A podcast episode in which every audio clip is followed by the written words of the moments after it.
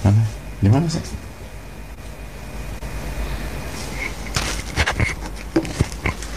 Bismillah. Assalamualaikum warahmatullahi wabarakatuh. Alhamdulillah hamdan kathiran tayyiban mubarakan fi kama yuhibbu rabbuna wa yarda wassalatu wassalamu ala nabiyyina Muhammadin wa ala alihi wa sahbihi wa man sara ala nahjihi bi ihsanin ila yaumidin wa ba'd. Hadirin yang Allah muliakan tidak ada kata yang pantas untuk kita ucapkan pada kesempatan kali ini kecuali bersyukur kepada Allah Subhanahu wa taala atas segala nikmat dan karunia yang Allah berikan kepada kita sebagaimana salawat dan salam semoga senantiasa tercurahkan kepada junjungan kita Nabi kita Muhammadin sallallahu alaihi wasallam beserta para keluarga, para sahabat dan orang-orang yang istiqomah berjalan di bawah naungan sunnah beliau sampai hari kiamat kelak. Hadirin Allah muliakan sebuah kebahagiaan kita bisa berkumpul pada kesempatan kali ini dalam rangka beribadah dalam rangka bertakarub kepada Allah Jalla wa ala dan kita meminta kepada Allah Subhanahu wa taala ilmu yang bermanfaat dan semoga Allah jauhkan kita dan lindungi kita dari ilmu yang tidak bermanfaat. Allahumma inna nas'aluka ilman nafi'an wa na'udzubika min ilmin la yanfa'. Ya Allah berikanlah kami ilmu yang bermanfaat dan jauhkanlah kami dari ilmu yang tidak bermanfaat dan saudaraku yang semoga Allah muliakan uh, kembali kita bersama Al Imam Yahya bin Sharaf bin Murri bin Hasan bin Husain bin Muhammad Abu Zakaria atau yang biasa dikenal dengan nama Al Imam An Nawawi rahimahullahu taala dengan karya yang sangat fenomenal karya yang berjudul Riyadhus Salihin Taman Orang-orang Soleh. Buku yang terbukti dengan taufik dari Allah Subhanahu wa taala memberikan keterangan, memberikan hidayah irsyad, memberikan perubahan di tengah-tengah umat dengan keberkahan yang Allah berikan. Dan uh, banyak sekali umat Islam yang berubah yang menjadi lebih baik, menjadi lebih beriman, menjadi lebih bertakwa, dengan bimbingan kitab ini setelah taufik dari Allah Subhanahu wa taala. Dan jamaah yang Allah muliakan berbicara tentang Riyadus Salihin, berbicara tentang uh, keutamaannya, berbicara tentang uh, kelebihan kitab ini. Jangan lupa sebuah karakter bahwa kitab ini adalah kitab maraton. Orang yang berubah dan mendapatkan uh, perubahan yang maksimal yang benar dari kitab ini setelah taufik dari Allah Subhanahu wa taala adalah orang-orang yang mau bersabar duduk untuk mendengar dan mengkaji secara rutin. Bukan satu dua kali pertemuan bukan satu dua pekan pertemuan bukan satu dua bulan. Ini kajian yang akan menyedot perhatian kita dan menantang konsistensi kita. Hanya orang-orang yang istiqomah yang bisa bertahan bersama Riyadus Solihin dan dengan itu ia akan mendapatkan banyak sekali ilmu, banyak sekali hikmah, banyak sekali pelajaran dan dengan izin Allah dia akan berubah menjadi pribadi yang lebih baik, lebih beriman, lebih bertakwa dan lebih beradab serta berakhlak.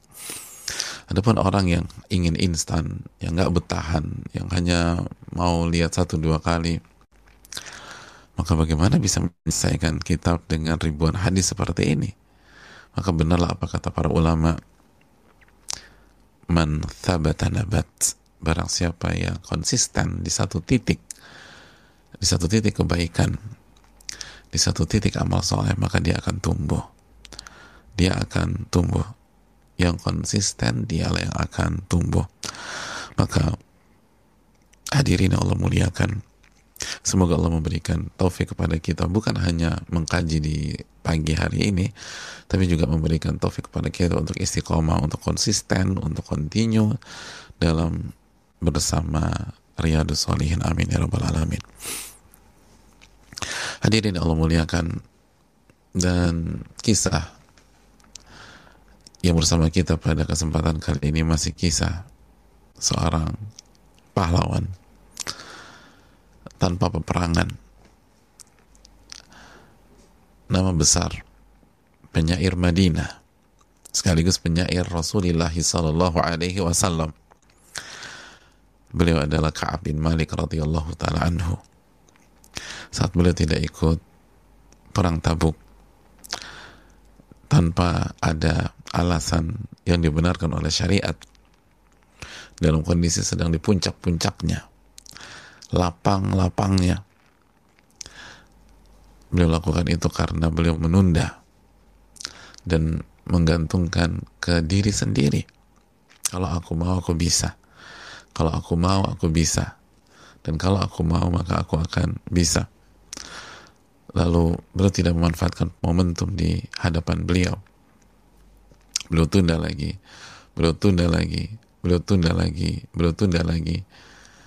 Sampai pada akhirnya beliau harus menyaksikan bahwa teman-teman beliau yang berada di kota Madinah hanyalah orang-orang tua.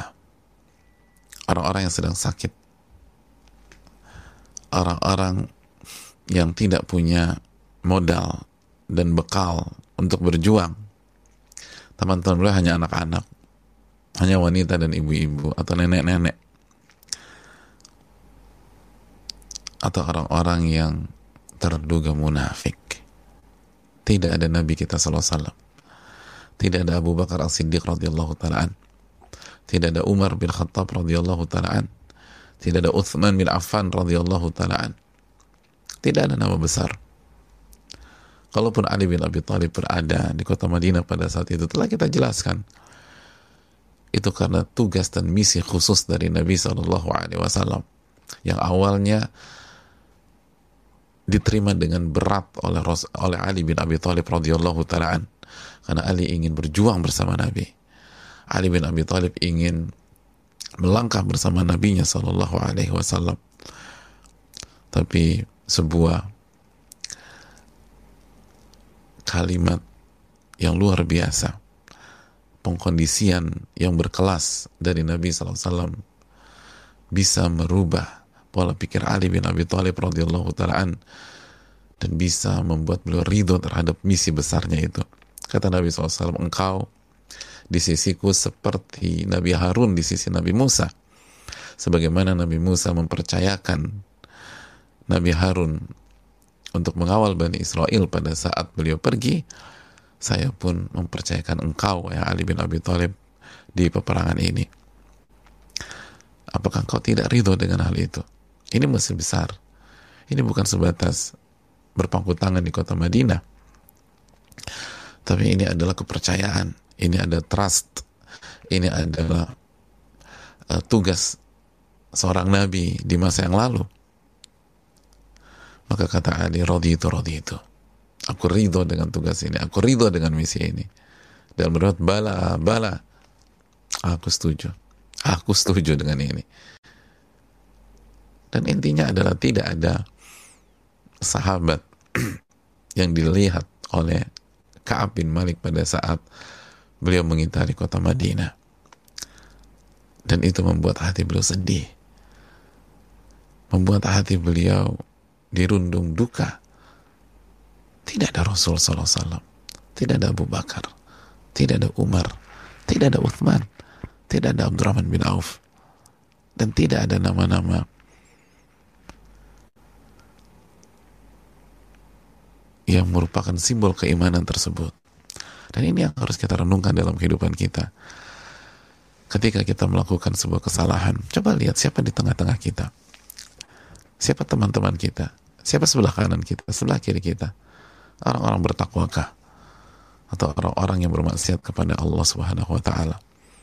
Orang-orang yang hatinya bersih, orang-orang yang berilmu, atau orang-orang yang penggibah, kanan penggibah, kiri penggibah, depan penggibah, belakang penggibah, Lalu Anda bisa tenang dengan orang-orang seperti itu. Dan bukankah itu sudah cukup membuat sebuah indikasi besar bahwa kita bukan berada di tempat yang benar. Kita bukan berada di lingkungan yang tepat. Maka ini adalah pelajaran besar. Orang bisa melakukan kesalahan, dalam menentukan lokasi, menentukan lingkungan. Tapi dia harus punya sense, dia harus punya kesadaran, kepekaan untuk memperbaiki kesalahannya. Apakah dia berada di lingkungan yang benar atau tidak? Kalau ternyata orang-orang tersebut orang-orang yang tidak mengingatkan dia kepada Allah Subhanahu wa taala, orang-orang yang memprovok dia, yang selalu membahas dunia di hadapannya, yang membuat dia cinta kepada dunia dan lupa kepada akhirat, yang membuat dia merasa sombong, merasa diri besar, yang membuat dia gampang mengecilkan atau mengucilkan orang lain, mengkerdilkan orang lain, meremehkan orang lain. Lisan-lisan atau lingkungan yang membuat dia gampang mendengar aib orang atau kesalahan orang atau hal-hal yang negatif yang tidak bermanfaat bagi dia dan bisa membuat bumerang pada hari kiamat kelak. Mungkin kan bisa dikatakan dia berada di lingkungan yang tepat. Dan mana rasa sedih sebagaimana rasa sedih yang dialami oleh Ka'ab bin Malik. Mana rasa galau sebagaimana kegalauan Ka'ab bin Malik pada saat itu. Beliau miss. Beliau melakukan kesalahan, beliau melakukan blunder. Tapi sensor keimanannya masih berteriak ketika melihat ini ada yang nggak beres. Ini nggak ada siapa-siapa. Nggak ada Rasul Sallallahu Alaihi Wasallam. Nggak ada Abu Bakar. Yang ada orang munafik ini suspek munafik, ini terduga munafik, atau orang-orang yang nggak mampu memang tidak bisa ikut ber, berjuang pada zaman eh, pada saat itu. Hadirin Allah muliakan. Dan di tengah-tengah kegalauan dan kesedihan Ka'ab bin Malik ratusan kilometer dari kota Madinah Nabi kita Sallallahu Alaihi Wasallam itu telah tiba di Tabuk. Dan Rasulullah SAW pada saat itu tidak mengingat atau tidak menyebutkan Ka'ab bin Malik. Kata Ka'ab, "Walam yadhkurni Rasulullah SAW hatta balagu Tabuk."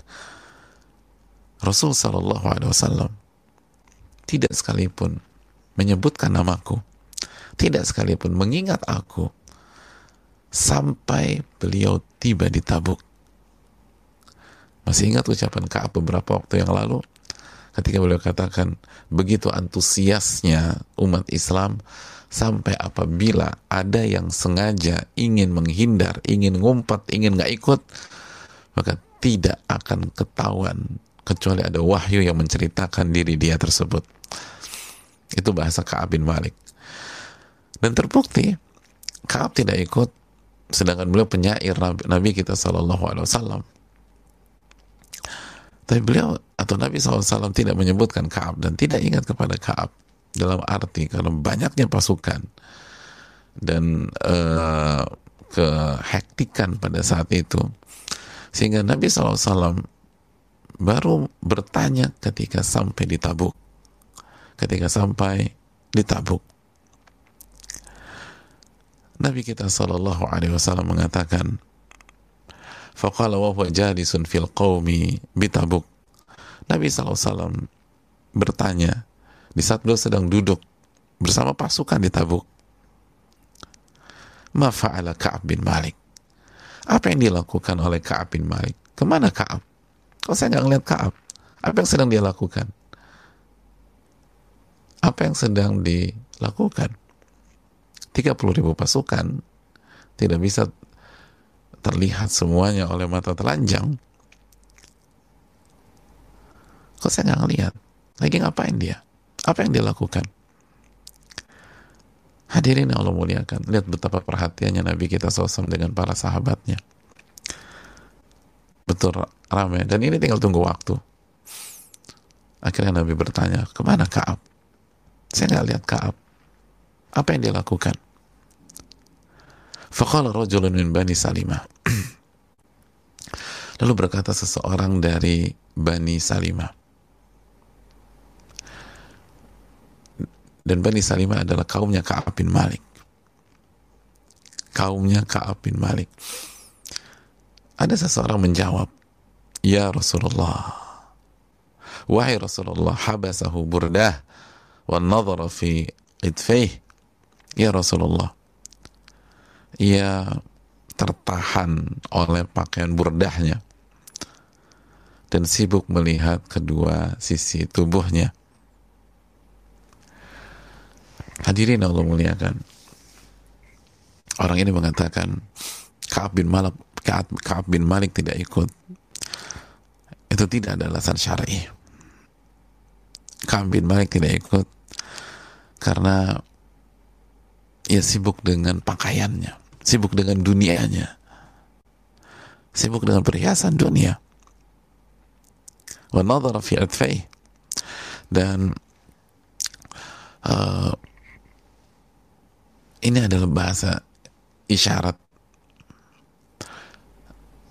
bahwa beliau ijab dengan diri dan pakaiannya.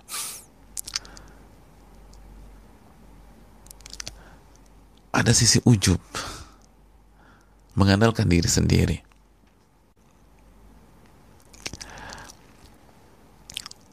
Dan karena perhiasan dunia, kalimat yang tajam, tapi berasal dari pihak yang tidak sembarangan, pihak yang yang merupakan kaumnya Kaab.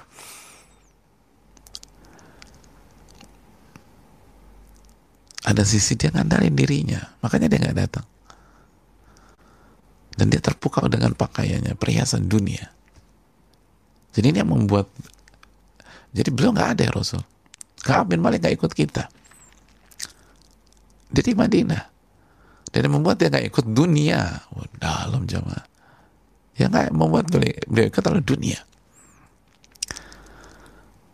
Dan sikap mengandalkan diri sendiri. Karena merasa bisa, merasa mampu, merasa punya pengalaman, merasa kuat, merasa hebat. Itu yang membuat dia nggak datang.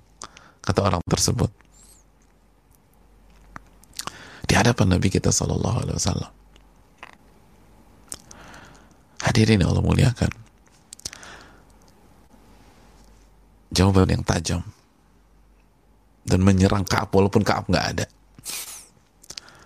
Maka pada saat itu Mu'adz bin Jabal langsung bereaksi. Mu'adz bin Jabal, ulamanya sahabat radhiyallahu taala Orang yang paling tahu halal dan haram. Alim. Begitu mendengar kalimat yang disebutkan oleh salah satu dari Bani Salimah yang menyudutkan sahabatnya Kata Mu'ad bin Jabal, Bi sama kult, buruk sekali yang kau sampaikan itu. Itu jawaban yang buruk. Bi sama kult, itu seburuk-buruk ucapan.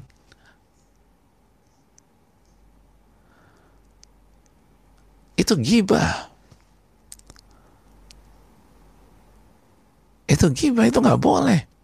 Itu seburuk-buruk ucapan. Buruk sekali yang kau katakan. Wallahi ya Rasulullah. Lalu Mu'ad bin Jabal membela kehormatan Ka'ab bin Malik. Wallahi ya Rasulullah. Demi Allah wahai Rasulullah. Ma'alimna alaihi illa khaira. Kami tidak pernah mengetahui Ka'ab bin Malik kecuali selalu berada dalam kebaikan. Selalu di atas kebaikan. selalu di atas kebaikan. Jadi kami tidak mengetahui apa pun tentang diri beliau, track record beliau, raport beliau selama ini, kecuali kebaikan. Fasakata Rasulullah SAW, maka Rasul pun diam.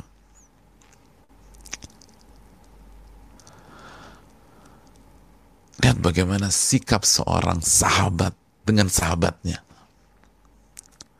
sikap seseorang ketika sahabatnya dijatuhkan. Ketika sahabatnya digibahi. Ketika ada orang yang berbicara negatif tentang sahabatnya.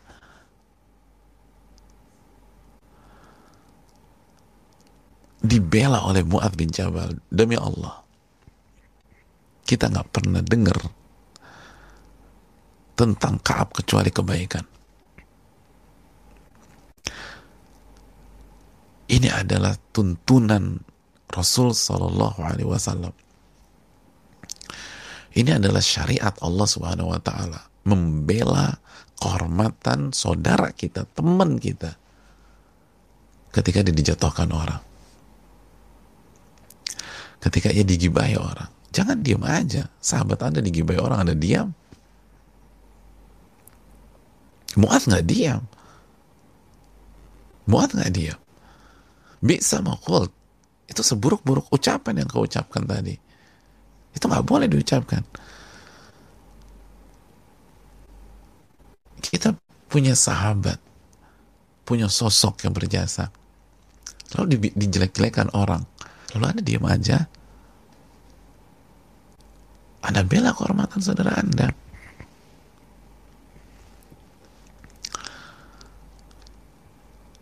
Itu adalah sunnah Nabi SAW dan lihat bagaimana Mu'ad bersikap sebagai seorang teman, sebagai seorang sahabat, sebagai seorang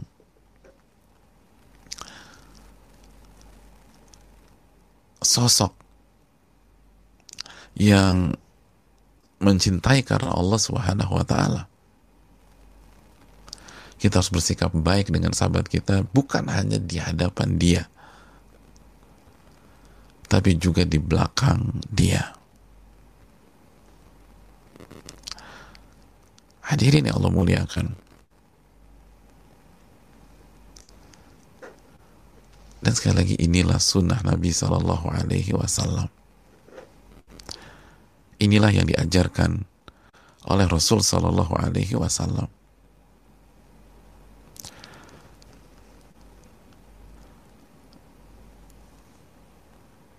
Hadirin, Nabi mengajarkan hal itu kepada kita. Nabi SAW mengatakan,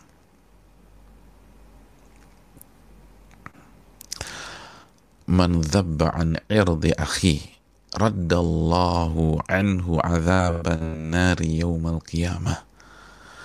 Barang siapa yang membela kehormatan saudaranya, membela nama baik saudaranya.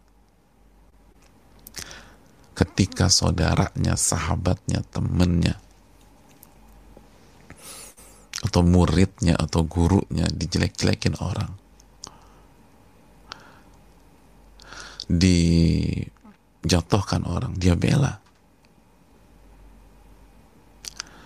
apa yang akan terjadi? Apa yang Allah akan kasih ke dia? Raddallahu anhu adzaban nar yaumal qiyamah. Maka Allah akan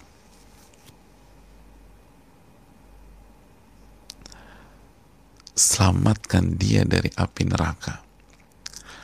Allah akan bela dia dari api neraka pada hari kiamat kelak. Allah akan palingkan dia dari api neraka pada hari kiamat kelak Hadis ini disahihkan oleh Syalbani dalam Sahih Targhib. Diriwayatkan Imam Tirmidzi, Imam Ahmad. Dalam riwayat yang lain, man dzabba an irdi akhi bil ghibah kana haqqan 'ala Allah an yu'tiqahu minan nar. Kata Nabi kita sallallahu alaihi wasallam dalam yang diriwayatkan Imam Ahmad barang siapa yang membela nama baik saudaranya, nama baik temannya,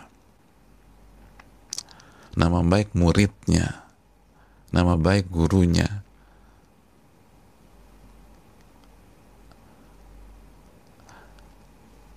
Ketika dia nggak ada, gitu loh. Jadi kita bela saudara kita ketika dia nggak ada. Ada orang ngomongin dia, ada orang gibahin dia, atau mungkin memfitnah dia. Dan dia nggak ada. Dia nggak ada di situ. Terus kita bela. Karena haqqan Allahi an yu'tiqahu minan nar.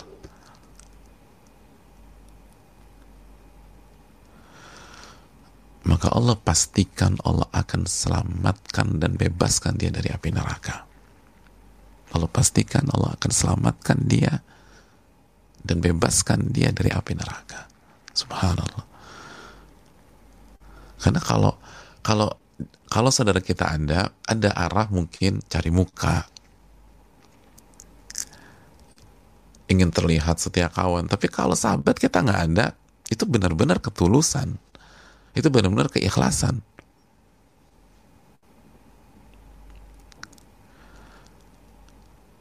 Itu benar-benar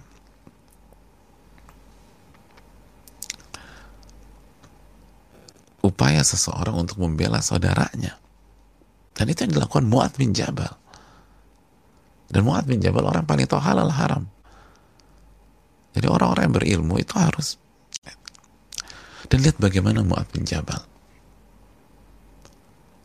Belum belanya.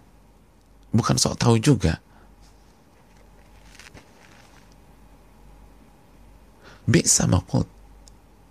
Itu kalimat dan komentar terhadap Kaab yang buruk. Itu seburuk-buruk ucapan. Itu kan gibah.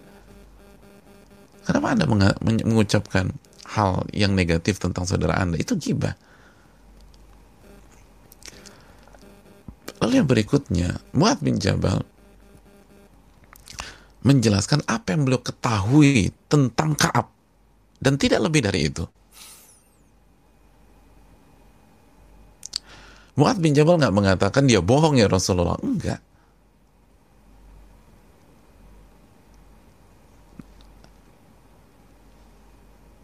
Karena kan bisa jadi benar juga, tapi itu ucapan nggak benar. Kalau kita bicara tentang kejelekan orang, kemungkinan kan cuma dua. Itu fakta, itu itu hoax. Kalau fakta gibah, dan itu nggak benar. Kalau hoax fitnah dan itu lebih nggak benar lagi. Jadi dua-duanya kemungkinan nggak benar. Makanya cukup ketika ada orang yang misal menjelek-jelekan saudara kita sahabat kita itu hal yang buruk. Ucapan anda tuh nggak bagus. Karena kemungkinan hanya dua dan dua-duanya dosa besar. Dan ini yang sering kita miss teman-teman sekalian atau jamaah yang Allah muliakan. Kita bisa santai ngedengar sahabat kita dijelek-jelekin depan kita. Lalu kita mengaku itu kesetiaan, kita sudah loyal kepada saudara kita atau setia dengan saudara yang enggak. Sahabat yang baik ketika ada saudaranya dijelek-jelekan, dia akan membela. Itu sabda Nabi. Maka Allah pastikan Allah akan merdekakan dia dari api neraka. Subhanallah. Ganjaran yang besar dan sering kali kita melewatkan kesempatan itu. Dan yang lebih yang lebih memalukan lagi kita menikmati saudara kita dijelek-jelekan. Sahabat kita dijelek-jelekan. Itu bukan sahabat hadirin.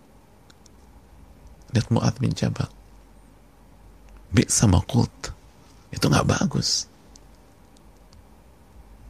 Itu nggak bagus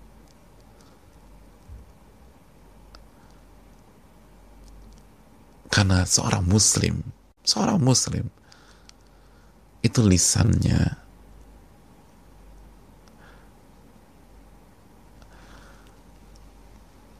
dikontrol oleh imannya.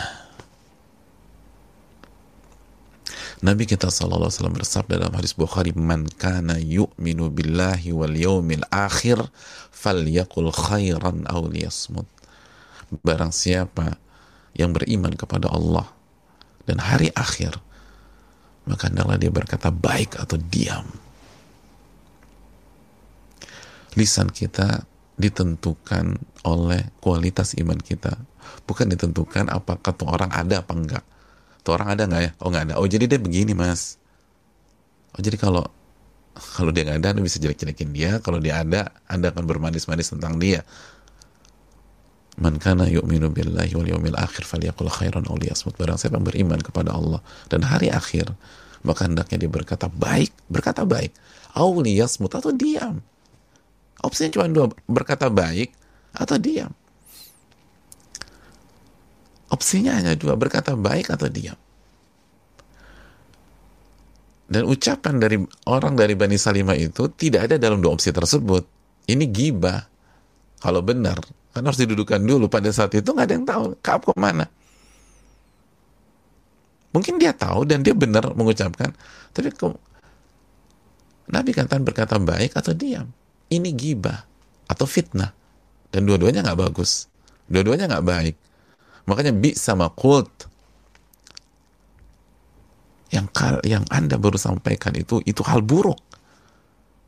Itu bukan lisannya orang beriman. Apalagi sama saudara kita sendiri. Kita harus kasih udur. Kita harus berbaik sangka. Lihat Muhammad bin Jabal. Berbaik sangka kepada Kaab. Walaupun memang nggak ada. Kaab, Kaab bin Malik nggak ada alasan. Dan ucapan orang itu ada benarnya. Terpukau dengan kehebatan dirinya sendiri, makanya kalau bin Malik mengatakan, kalau aku mau aku bisa melakukan itu semua, itu kan terpukau dengan kemampuan diri sendiri. Tapi nggak boleh diucapkan itu. Nggak boleh gibai saudara kita. Walaupun kita tahu itu faktanya. Kecuali dalam koridor yang dibenarkan oleh syariat. dan itu ada pembahasannya sendiri untuk minta fatwa atau untuk menasehati dan itu harus jujur kepada Allah Subhanahu wa taala. Bukan untuk mengadu domba atau memang untuk menjatuhkan nama baik atau menjatuhkan atau membunuh karakter saudara kita bukan itu jamaah sekalian. Kita nggak dididik demikian. Al ilmu rahimun baina ahli. Ilmu itu membuat sesama kita saling menyayangi.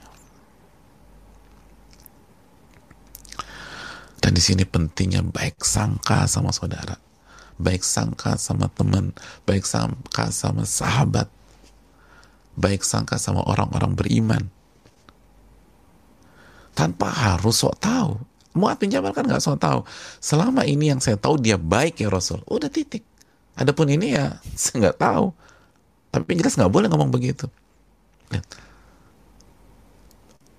Pembelaan yang sangat terarah membela saudara kita, membela sahabat kita, tapi tidak sok tahu juga, nggak membabi buta. Itu para sahabat. Track record selama ini kita nggak pernah melihat keburukan dari Kaab, kita nggak pernah melihat niat jelek dari Kaab, kita nggak pernah melihat hal-hal yang negatif dari Kaab. Terlepas benar atau enggak itu nggak boleh diucapkan, kan begitu bahasanya itu baru sahabat.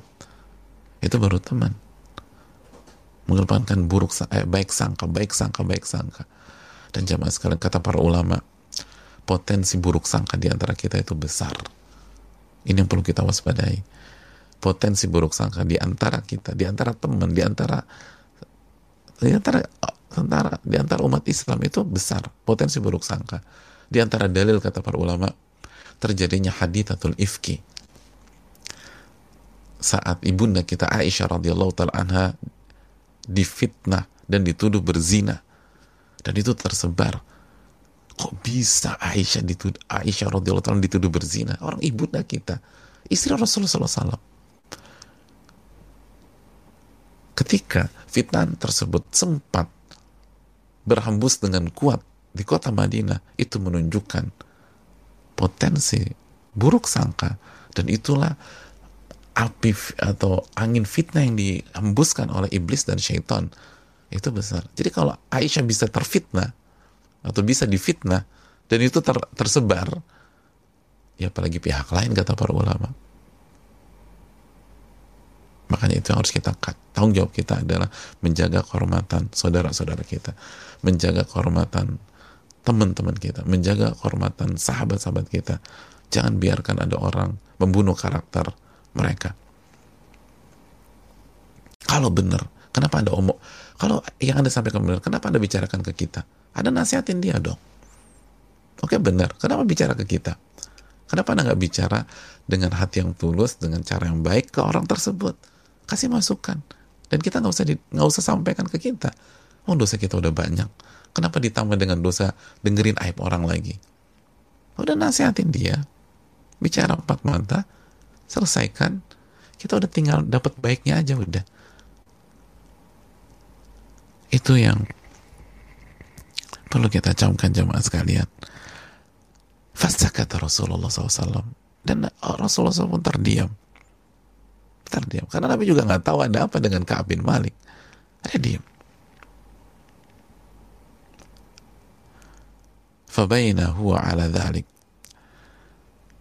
Dan pada saat kondisi hening seperti itu, dalam kondisi itu, hadirin yang Allah muliakan, tiba-tiba ada pemandangan yang memecahkan keheningan. Rasul Shallallahu Wasallam melihat seseorang dari kejauhan. Seseorang laki-laki yang mengenakan pakaian putih yang terlihat bergerak oleh Fata Morgana. Menembus Fata Morgana.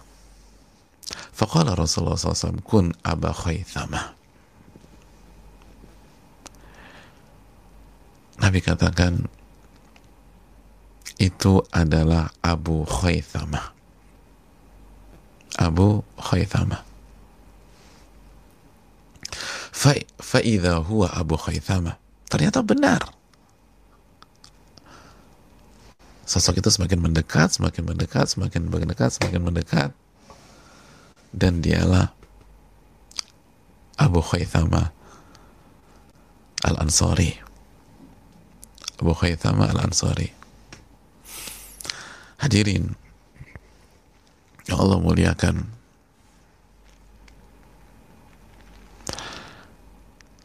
siapa beliau? Kata Ka'ab wa huwa alladhi tasaddaqa bisa' bisa'id tamar hina lamazahul munafiqun.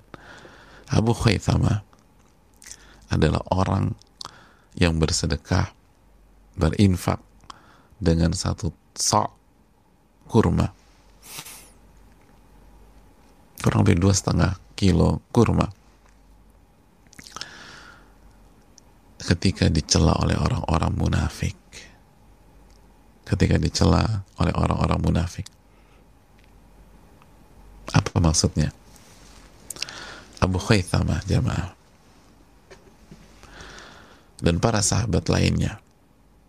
Telah kita jelaskan di pertemuan pertemuan sebelumnya bagaimana antusiasme mereka mendukung perjuangan Rasul Shallallahu Alaihi Wasallam khususnya di perang Tabuk. Bagaimana Abdurrahman bin Auf bagaimana Uthman bin Affan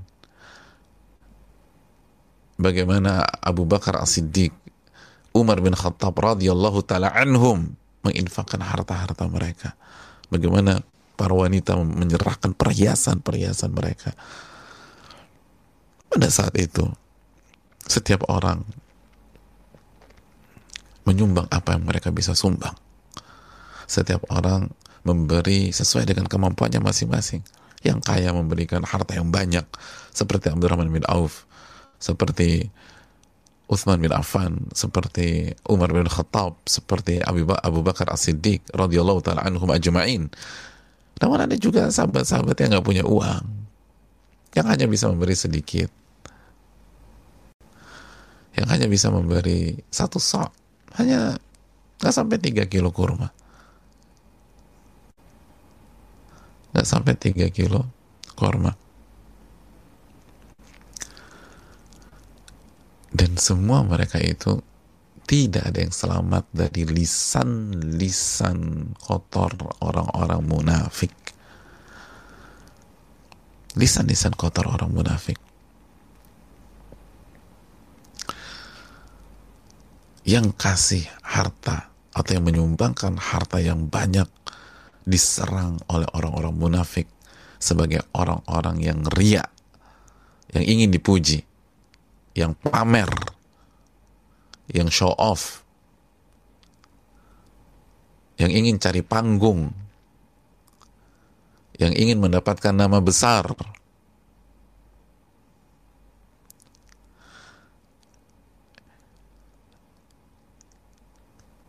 itu celaan-celaan kotor bagi orang-orang yang berinfak dengan harta yang banyak. Adapun sahabat yang memberikan harta yang sedikit, seperti Abu Khaythama, hanya satu sok, nggak sampai tiga kilo, tiga kilo korma, dua setengah kilo korma. itu juga tidak luput dari celaan mereka. Mereka bilang, Anda menginfakkan atau Anda memberikan harta sedikit itu di jalan Allah, Allah tuh nggak butuh sama harta Anda. Dua setengah kilo mau buat apa, Mas? Gitu. Satu kilo tuh mau buat apa? Misalnya setengah kilo tuh mau dibuat apa? Satu dirham tuh mau dibuat apa? Emangnya Allah butuh sama uang Anda? Allah tuh kaya. Allah yang maha kaya, Al-Ghani. Anda tuh ngapain kasih harta segitu? Nggak merubah sama sekali. Dan itu yang Allah firmankan dalam surat At-Taubah ayat 79. Alladzina yalmizuna al-mutawwi'in. Alladzina yalmizuna al-mutawwi'ina minal mu'minin. Fis sadaqat walladzina la yajiduna illa juhdahum fayaskharuna minhum sakhirallahu minhum walahum adzabun alim dalam surat At-Taubah ayat 79 ini Allah berfirman dan orang-orang munafik itu adalah orang-orang yang mencela orang-orang yang berinfak di jalan Allah dengan sukarela.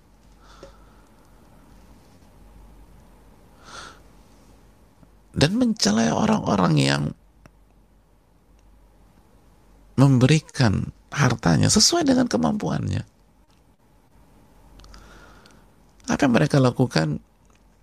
Fayaskharuna minhum. Mereka merendahkan mereka. Mereka merendahkan orang-orang beriman, merendahkan orang-orang yang berinfak itu, mencela, menghina, mengkerdilkan. Apa kata Allah Subhanahu wa taala? Sakhirallahu minhum. Allah hina balik mereka. Dan Allah katakan mereka akan dapat azab yang pedih.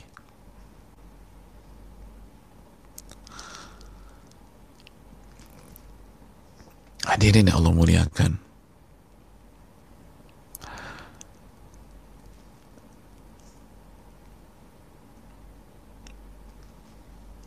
Begitulah pola yang ada di dunia.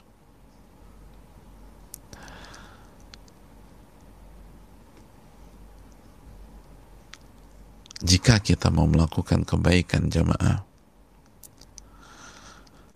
maka pasti ada orang-orang yang gak suka sama kita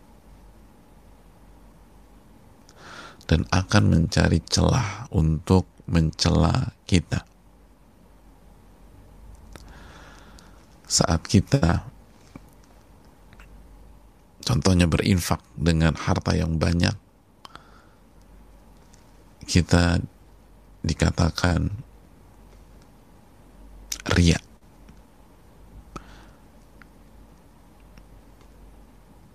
cari panggung.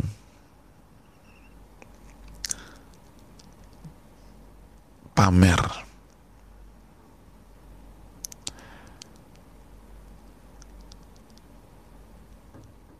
ingin dipuji, ingin disanjung. Tapi begitu sedikit, ada yang bilang pelit lah. Emangnya Allah butuh sama duit lo? Nyumbang kok sedikit banget.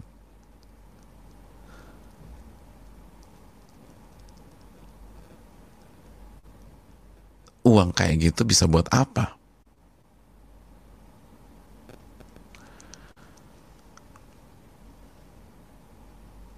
Sama Allah aja perhitungan, sama dunia jor-joran. Padahal kita lagi nggak punya uang memang.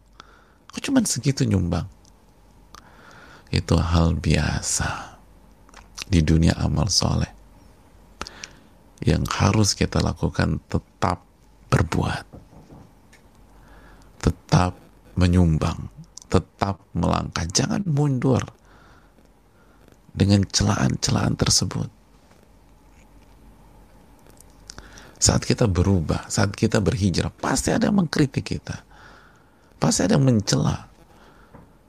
Dan begitulah orang-orang munafik. secara umum itu karakter atau ciri-ciri orang munafik nggak suka kalau ngelihat saudaranya temannya berbuat baik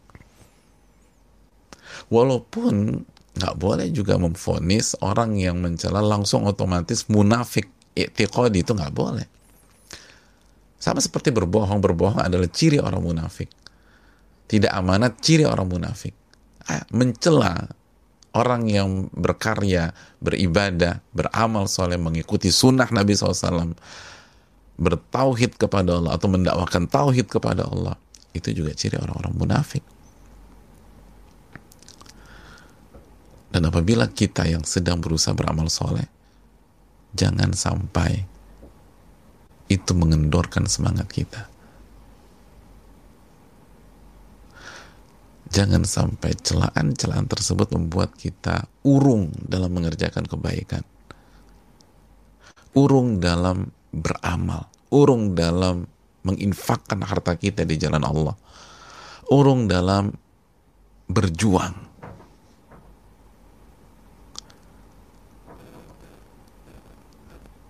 Kenapa sih ada orang yang mencela saya?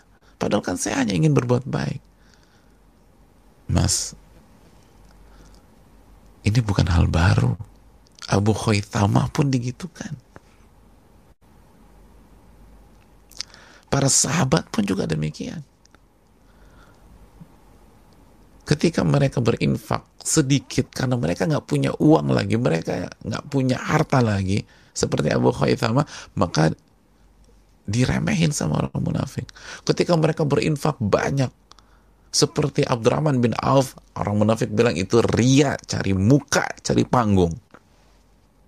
Selesai kan? Semua kena.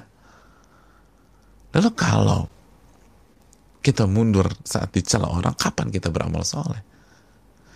Karena yang mereka inginkan adalah agar kita nggak beramal, agar kita nggak maju, agar kita nggak berubah, agar kita nggak berteman dengan orang-orang soleh.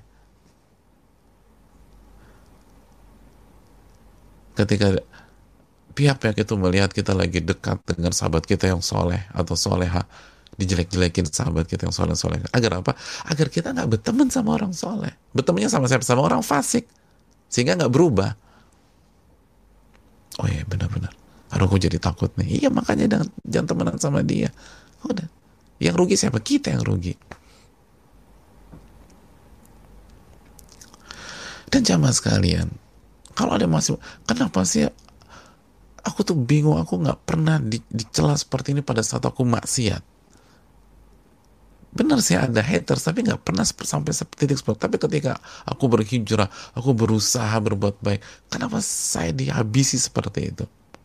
Hadirin kata para ulama itulah ujian keikhlasan. Karena salah satu syarat atau ciri orang yang ikhlas dijelaskan oleh para ulama. Di antaranya Al-Imam An-Nawawi rahimahullah an yastawi indahul madahu wa dham. Bagi orang-orang yang ikhlas tidak ada bedanya antara pujian dan celaan. Antara pujian manusia dan celaan manusia tidak ada bedanya. Kenapa demikian karena bukan itu motif mereka ketika beramal soleh. Bukan itu motif mereka pada saat berjuang. Bukan itu yang mereka incar pada saat mereka ber, berbuat atau beribadah. Mereka mencari wajah Allah. Maka pujian manusia tidak membuat mereka terbang sebagaimana celaan manusia tidak membuat mereka tumbang. Dan itulah karakter para sahabat radhiyallahu taala anhum yang dididik dan dibina dengan keikhlasan oleh Rasul kita SAW. Abu Bakar, Umar, Uthman, Abdurrahman bin Auf tetap saja menggelontorkan dana yang luar biasa dan nggak peduli dengan celaan orang-orang pencela, nggak peduli dibilang ria, cari muka, cari panggung, sebagaimana orang-orang yang punya sekedarnya tetap aja ngasih. Seperti Abu Khaythama. Walaupun disepelekan, diremehkan. Harta lu nih nggak ada gunanya. Nggak masalah udah kasih. Saya saya ngasih nggak nggak mengharapkan komentar baik dari anda. Anda mau komentar baik negatif itu urusan anda. Ciri-ciri orang ikhlas adalah ketika keikhlasan ketika pujian manusia dan celaan manusia bagi dia sama saja. Orang yang terpukul ketika dicela manusia tidak lain tidak bukan karena ia ingin dipuji sama manusia. Karena kekecewaan itu berbanding terbalik dengan ekspektasi. Pada saat kita punya ekspektasi dan harapan dipuji oleh manusia maka kita akan kecewa dan jatuh serta sedih ketika tidak mendapatkan itu dan dicela oleh manusia. Dan pada saat kita nggak punya ekspektasi itu karena ekspektasi kita hanya mengharapkan wajah Allah maka kita pun akan tenang pada saat kita dicela oleh mereka. Ini bisa disampaikan. Semoga bermanfaat. Dan itulah para sahabat itulah Abu Khaythama.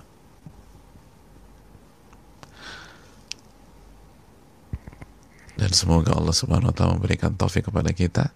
Subhanakallah wa la ilaha illa anta astaghfiruka wa atubu assalamualaikum warahmatullahi wabarakatuh